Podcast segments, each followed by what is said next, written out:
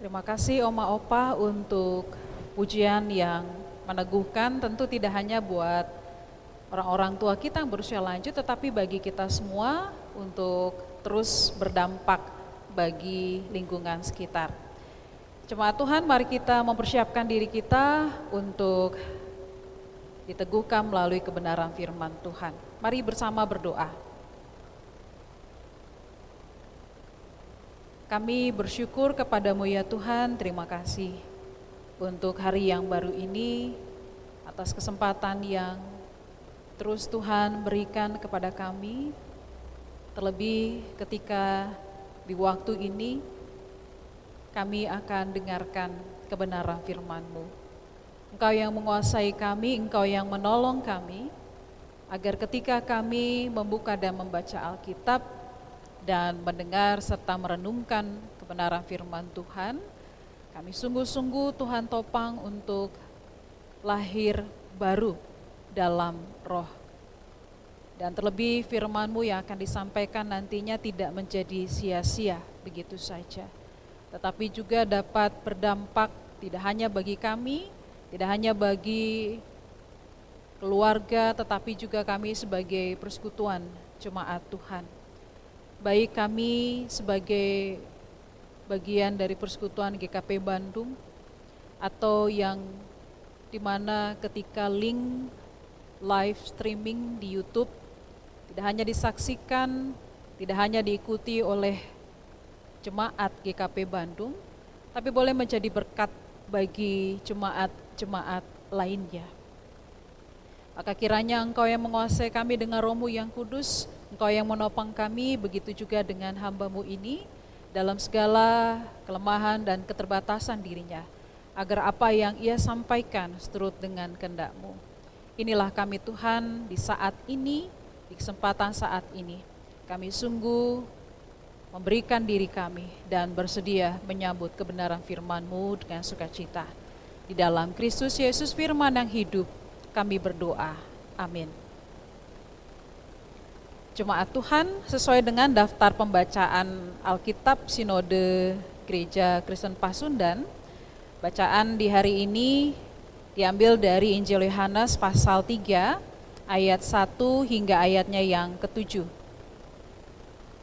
Injil Yohanes pasal yang ketiga ayat 1 hingga ayatnya yang ketujuh. Percakapan dengan Nikodemus adalah seorang Farisi yang bernama Nikodemus, seorang pemimpin agama Yahudi. Ia datang pada waktu malam kepada Yesus dan berkata, "Rabi, kami tahu bahwa engkau datang sebagai guru yang diutus Allah." Sebab tidak ada seorang pun yang dapat mengadakan tanda-tanda yang engkau adakan itu, jika Allah tidak menyertainya. Yesus menjawab katanya, Aku berkata kepadamu, sesungguhnya, jika seorang tidak dilahirkan kembali, ia tidak dapat melihat kerajaan Allah. Kata Nikodemus kepadanya, Bagaimanakah mungkin seorang dilahirkan kalau ia sudah tua? Dapatkah ia masuk kembali ke dalam rahim ibunya dan dilahirkan lagi? Jawab Yesus, Aku berkata kepadamu, sesungguhnya jika seorang tidak dilahirkan dari air dan roh, ia tidak dapat masuk ke dalam kerajaan Allah. Apa yang dilahirkan dari daging adalah daging, dan apa yang dilahirkan dari roh adalah roh.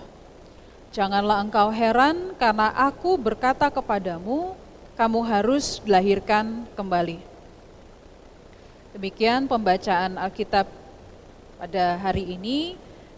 Yang dikatakan berbahagia ialah setiap kita yang dengan sungguh mau mendengar dan memelihara firman Tuhan di dalam kehidupannya tiap-tiap hari. Haleluya. Haleluya.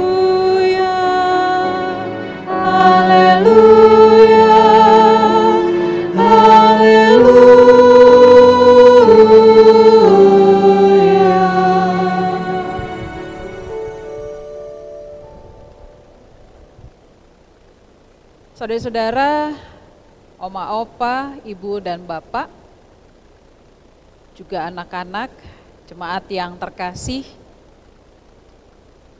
tentu banyak dari kita tahu kalau kemarin itu adalah hari lansia nasional.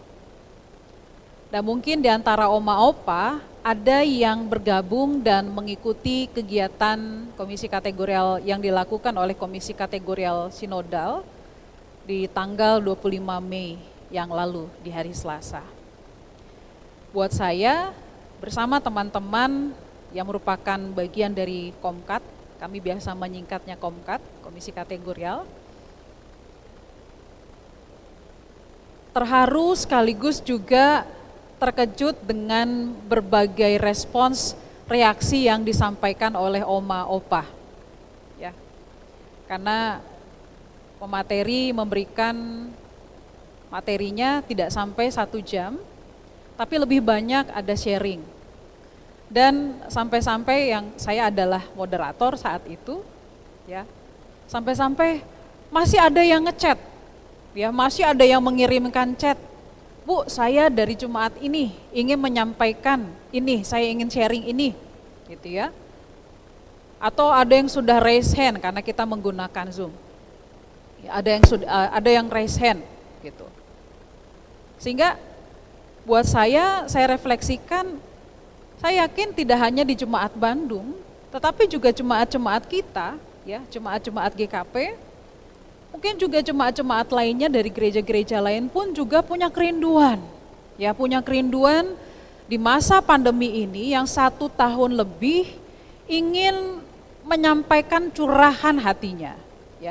Ingin menyampaikan rasanya bukan keluhan sebenarnya, tapi ingin berbagi. Sepanjang satu tahun lebih tentu ada berbagai hal yang dialami. Sepanjang satu tahun lebih ada situasi kondisi yang setiap orang termasuk oma dan opa itu alami, rasakan. Dan ada banyak kesaksian yang diperlihatkan dan dibagikan dalam momen itu di tanggal 25 Mei itu ibu bapak, saudara-saudara, oma opa bahwa Tuhan itu selalu serta. Buat saya pernyataan besarnya itu. Tuhan itu selalu serta setiap orang-orang tua kita yang berusia lanjut. Tuhan itu memberikan kesegaran, Tuhan itu memberikan keceriaan, Tuhan itu memberikan kekuatan. Tuhan itu yang menolong dan memampukan. Dan mungkin masih banyak lagi.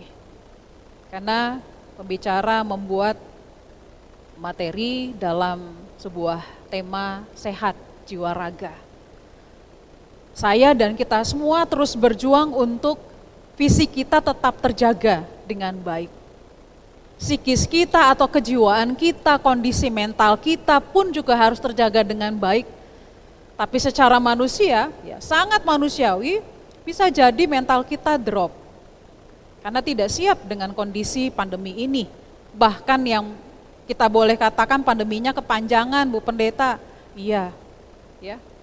Mungkin kita nggak tahan ingin keluar dari rumah, ya ingin melakukan aktivitas di luar rumah ketimbang di dalam rumah gitu ya karena setiap hari kalau nggak ke ruang tamu dapur kamar gitu ya lalu kalau ada ruang ruang baca atau um, ruang kerja di situ mungkin muternya situ-situ aja gitu ya ruang makan segala macam selalu di situ aja muternya ya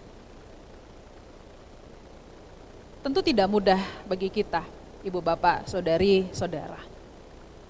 Tapi ada pesan penting justru di masa pandemi ini kita harus makin kuat. Kita harus makin semangat. Kalau bukan kita, ya, kalau bukan lahirnya dari kita, siapa lagi? Kalau kalau itu tidak munculnya dari dalam diri kita, siapa lagi? Kerinduan berbagi atau berbagai pertanyaan itu pun juga dimiliki oleh seorang Farisi yang bernama Nikodemus. Saudara-saudara, kita bisa perhatikan alur cerita ya yang ditulis oleh penulis Injil Yohanes ini langsung dengan tegas adalah seorang Farisi. Ya, adalah seorang Farisi yang bernama Nikodemus yang diketahui adalah seorang pemimpin agama Yahudi. Artinya dia adalah seorang yang terdidik, seorang yang bisa dikatakan sebagai cendikiawan, seorang yang merupakan anggota Mahkamah Agama, seorang yang juga punya pengaruh, ya. Seorang yang punya pengaruh di Yerusalem. Bayangkan orang yang cakap, orang yang pandai datang nih, ya. Datang berjumpa dengan Yesus. Dia datang kepada Yesus dan situasi kondisi yang ditulis oleh penulis, kapan waktunya? Malam hari. Mungkin kita akan bertanya-tanya, kok Nikodemus pilih ketemu Tuhan Yesus ketemuannya di malam hari ya? Kenapa dia nggak ketemuan sama Yesus ketika lagi banyak orang gitu ya? Ketemu di siang hari, ya pagi atau siang hari. Yesus sudah punya aktivitas tersendiri, Ibu Bapak. Yesus sudah sudah punya kerjanya sendiri. Dia bersama para murid dan Nikodemus pun juga demikian. Ya, mereka sama-sama punya aktivitas. Maka kenapa dipilih malam hari? Karena bagi seorang Farisi, apalagi dia punya pengaruh, kemudian yang dia juga adalah sosok yang penting juga, seorang Farisi, ya. Jadi kita bayangkan dulu, ada banyak orang yang semak, apa, semakin banyak orang yang tahu siapa itu Yesus, kemudian banyak orang yang tahu juga murid-murid Tuhan Yesus. Jadi dari satu tempat ke tempat lain itu nggak sedikit, tidak sedikit orang-orang yang akhirnya duduk diam mendengar pengajaran Tuhan Yesus, tetapi ikut juga, ya, ikut juga. Satu tempat ini Yesus akan mengajar satu hal tertentu, satu tempat yang lain Yesus akan mengajar hal yang lain. Dan makin banyak orang yang mengikut. Makin banyak orang yang penasaran apa yang disampaikan dan diajarkan oleh Tuhan Yesus. Dampaknya apa? Ibu bapak, saudari-saudara, cuma Tuhan, dampaknya adalah ini membuat orang-orang Farisi gusar. Ya, orang-orang Farisi gusar. Maka tidak heran kalau di sepanjang Injil, ya, Injil-Injil Matius, Markus, Lukas, bahkan Yohanes, itu jangan sampai Yesus punya pengaruh untuk bisa menarik banyak orang. Walaupun orang-orang banyak itu tertarik dengan itikat mereka sendiri. Sehingga dipilihlah waktu di malam hari, ibu bapak, saudara-saudara. Karena kalau ketemu ketika ada di kerumunan banyak orang, resiko. Ya, ketemu pagi atau siang itu nanti ketahuan sama teman-temannya sendiri. Maka dipilihlah malam hari. Dan di samping itu juga malam hari sebagai waktu yang baik.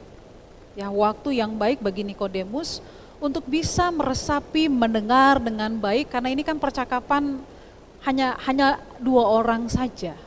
Ya, hanya dua orang saja berarti ada percakapan yang mendalam. Nikodemus bisa tanya banyak hal.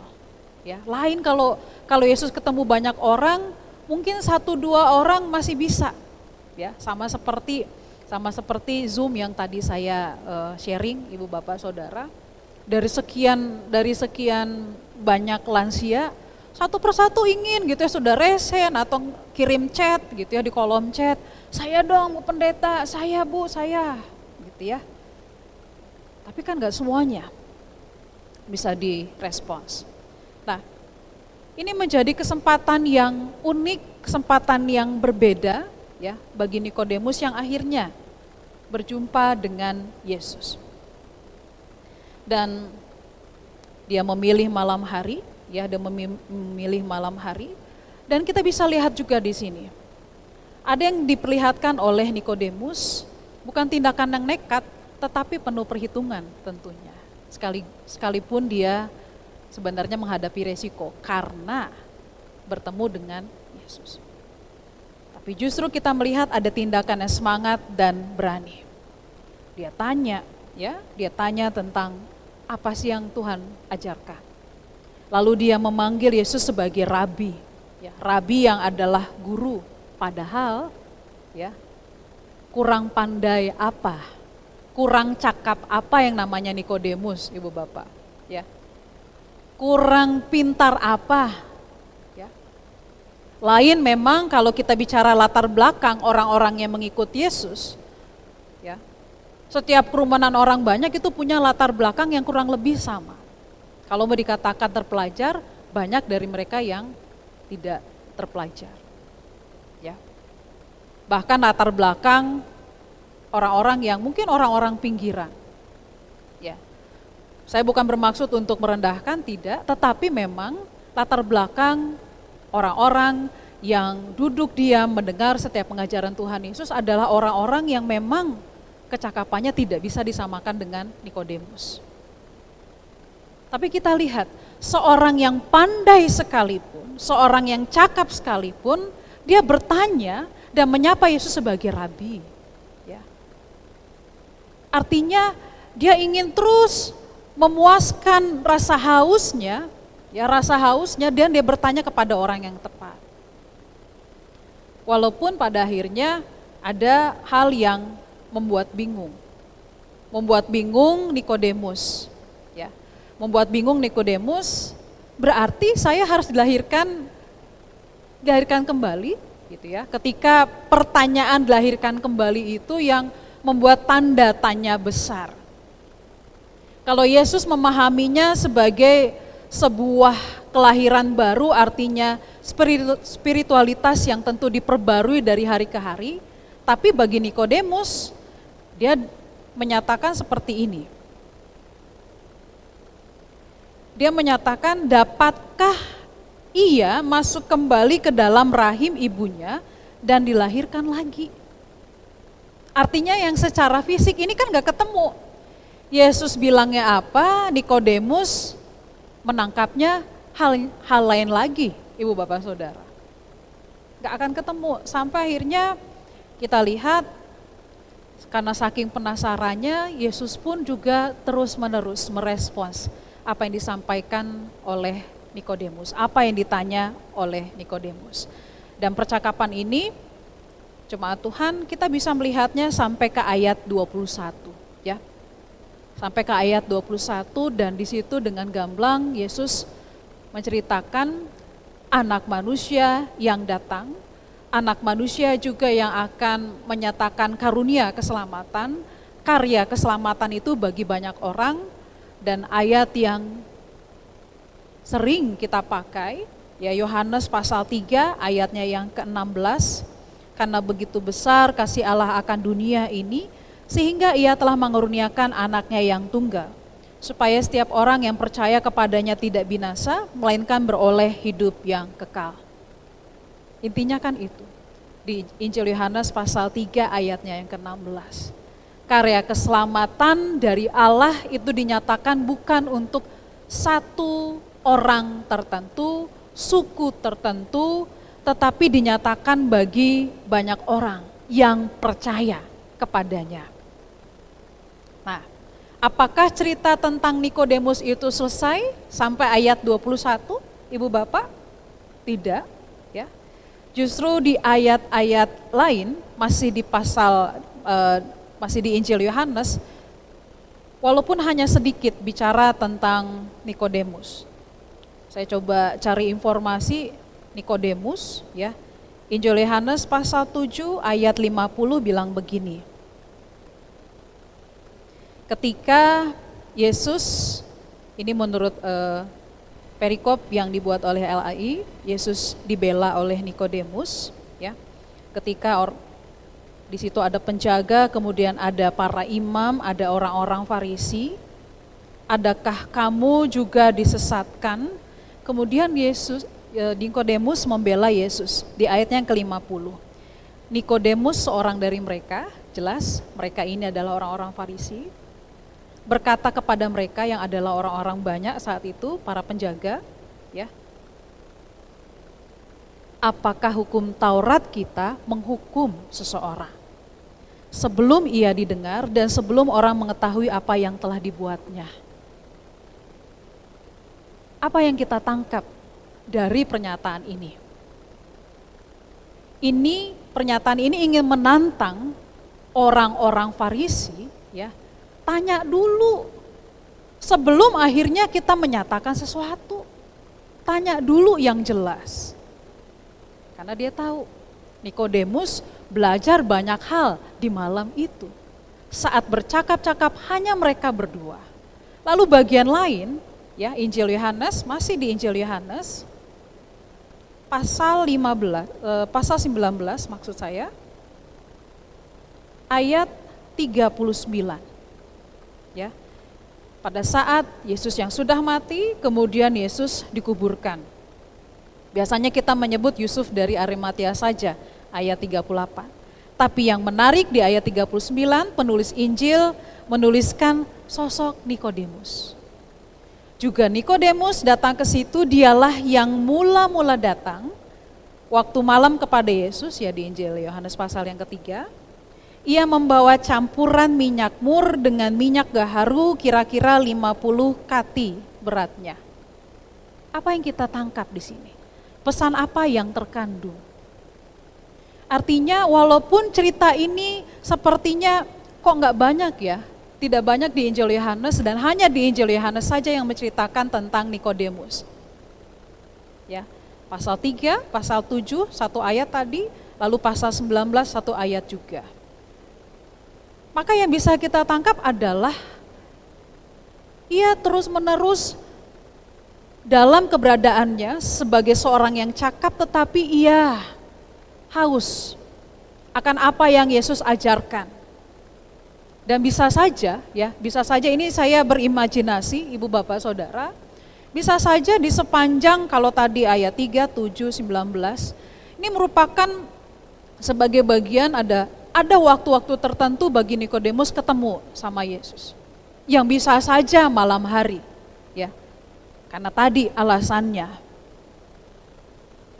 Tapi yang jelas sampai ia memberikan sesuatu saat Yesus dikuburkan, akhirnya ini menjadi membangun perspektif yang baru sebagai seorang Farisi, seorang yang punya pengaruh bagi orang-orang yang ada di Yerusalem, ibu bapak saudara, Artinya dia memaknai sosok Yesus sebagai seorang yang berharga di dalam kehidupannya.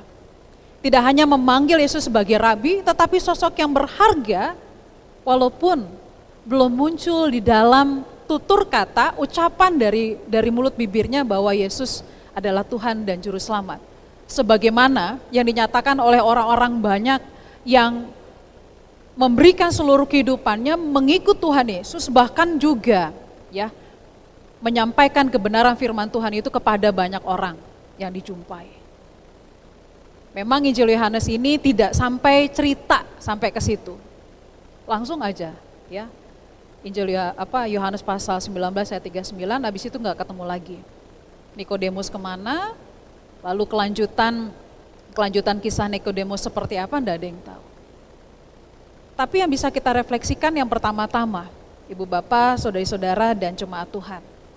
Ketika hari ini ya lahir baru dalam roh, tidak dipahami secara fisik, tetapi kondisi spiritualitas kita yang terus-menerus diperbarui. Kalau tadi saya mengantarkan kenapa saya mengambil oma opa, ya, kenapa saya mengambil uh, lansia, lalu saya mengaitkan dengan apa yang disampaikan oleh pemateri mengenai sehat jiwa dan raga, itulah yang memang kita butuhkan. Sikap seperti Nikodemus yang harus kita terus bangun. Artinya kita selalu menerus haus, haus akan banyak hal terlebih ketika kita sebagai orang-orang Kristen, haus ketika firman Tuhan itu meneguhkan kita. Hari ini pesan firman Tuhannya apa? Besok eh, pesan firman Tuhannya apa? Karena kita membangun relasi yang intim dengan Tuhan melalui saat-saat teduh. Sehingga sepanjang satu pekan, satu bulan, atau bahkan satu tahun, kita selalu rindu, ya. Kita selalu rindu untuk terus menerus diteguhkan oleh firman Tuhan. Sama seperti Nikodemus. Dia berharap berjumpa dengan Yesus, dicerahkan, ada perspektif yang terbarukan di dalam dirinya. Itu yang pertama. Lahir baru dalam roh. Lalu yang kedua, meskipun kita tidak jumpai lagi, ya, pasal atau ayat-ayat yang mengisahkan gimana sih Ya, ini berarti to be continue bisa jadi to be continue. Karena nggak ada lagi, ya. Kelanjutan dari Nikodemus. Apakah dia memberikan dirinya dan seluruh kehidupannya untuk mengikuti Yesus dan menyatakan pengakuan imannya? Tidak ada yang tahu. Tapi yang jelas bagi kita yang telah menerima Kristus Yesus sebagai Tuhan dan Juru Selamat, yang memberikan seluruh kehidupan kita untuk mempercayai Yesus Kristus, ibu bapak saudara-saudara, maka kita pun juga belajar untuk menyerahkan ya seluruh kehidupan kita untuk Tuhan bentuk. Kalau bagi orang-orang tua kita yang berusia lanjut semakin terbatas. Ya. Raga semakin terbatas dan belajar untuk adanya acceptance, belajar untuk menerima realita yang memang tidak mudah ini karena kalau semakin tinggi kita, ya harapan kita high expectation gitu ya, semakin tinggi harapan kita, tetapi realitanya enggak enggak dapet, secara manusiawi kita akan katakan saya bisa kecewa, karena saya enggak dapat apa-apa. Saya sudah menjaga kondisi kesehatan saya, tapi ternyata saya pun terpapar. Kan enggak ada yang tahu ibu bapak saudari-saudara. Kita sudah menjaga kondisi kesehatan kita sedemikian rupa, orang-orang tua kita juga, oma opa kita juga, terlebih oma opa kita banyak tinggal di rumah gitu ya, tapi ujung-ujungnya terpapar juga gitu. Dan kita tidak perlu saling menyalahkan bisa jadi ada anak-anak menantu gitu ya, ada anak-anak menantu yang memang bekerja di luar rumah, tapi mungkin lalai ya barangkali Kan case-nya seperti itu. Case-nya seperti ini dapat dari mana ya? Ini terpapar dari mana ya? Bisa jadi dari anggota keluarganya sendiri, kerabat keluarganya sendiri. Atau saat itu kita dalam kondisi yang lemah. Ya. Kondisi yang memang saat itu drop.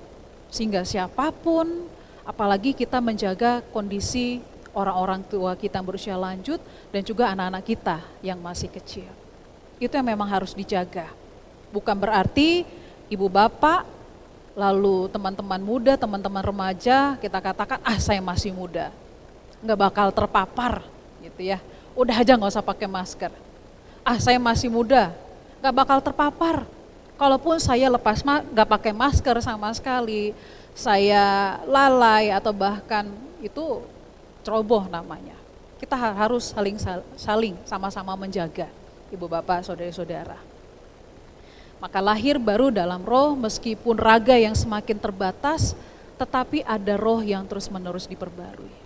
Lalu bagian yang ketiga, sekali lagi meski Nikodemus nggak ada kelanjutan ceritanya, tetapi ia berupaya untuk terus-menerus memperbarui pengetahuannya. Lalu bagaimana dia bersikap ketika ia bersama dengan teman-teman satu kelompoknya yang adalah orang-orang Farisi, yang adalah bagian dari Mahkamah Agama. Ya. Kalau tadi di pasal yang ketujuh menyebutkan ia membela Yesus, maka hal yang bisa kita pelajari adalah ketika Nikodemus membangun kekritisan dalam cara pandangnya. Maka apa pesannya bagi saya dan kita semua? Mari kita peka, mari kita bersikap kritis, mari kita berpikir kritis tentang situasi kondisi yang ada. Jangan lagi kita memikirkan hanya untuk diri kita sendiri, sementara orang lain kita abaikan. Ya, sama-sama kita saling menjaga, mulai dari keluarga kita masing-masing, ketika kita sebagai bagian dari masyarakat, kehidupan bertangga kita saling menjaga, kemudian sebagai bagian dari persekutuan, kita sama-sama juga saling menjaga dan bersyukur ketika pendeta bersama-sama dengan penatua memutuskan untuk melakukan ibadah ragawi yang tentunya ada aturan-aturan tertentu dan menyesuaikan dengan regulasi yang diberikan oleh pemerintah ya pemerintahan setempat.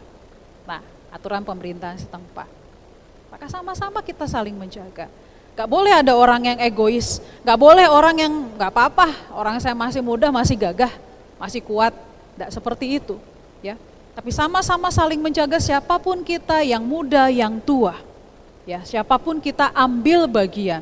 Di sinilah kekritisan. Bagi yang belum mendapatkan atau bahkan mengikuti proses vaksinasi, mari kita dukung juga. program yang dicanangkan oleh pemerintah supaya kita semua sehat, supaya kita semua bisa survive, kita bisa bertahan. Bertahan di tengah masa pandemi siapa pun itu tidak mudah. Apalagi faktor kes kondisi kesehatan kita, kondisi ekonomi, belum lagi carut marut kondisi politik bangsa dan negara kita. Itu bukan hal yang mudah. Maka tiga hal ini ibu bapak, saudari-saudara, kita sungguh-sungguh maknai. Lahir baru dalam roh selalu rindu untuk dikuatkan oleh firman Tuhan.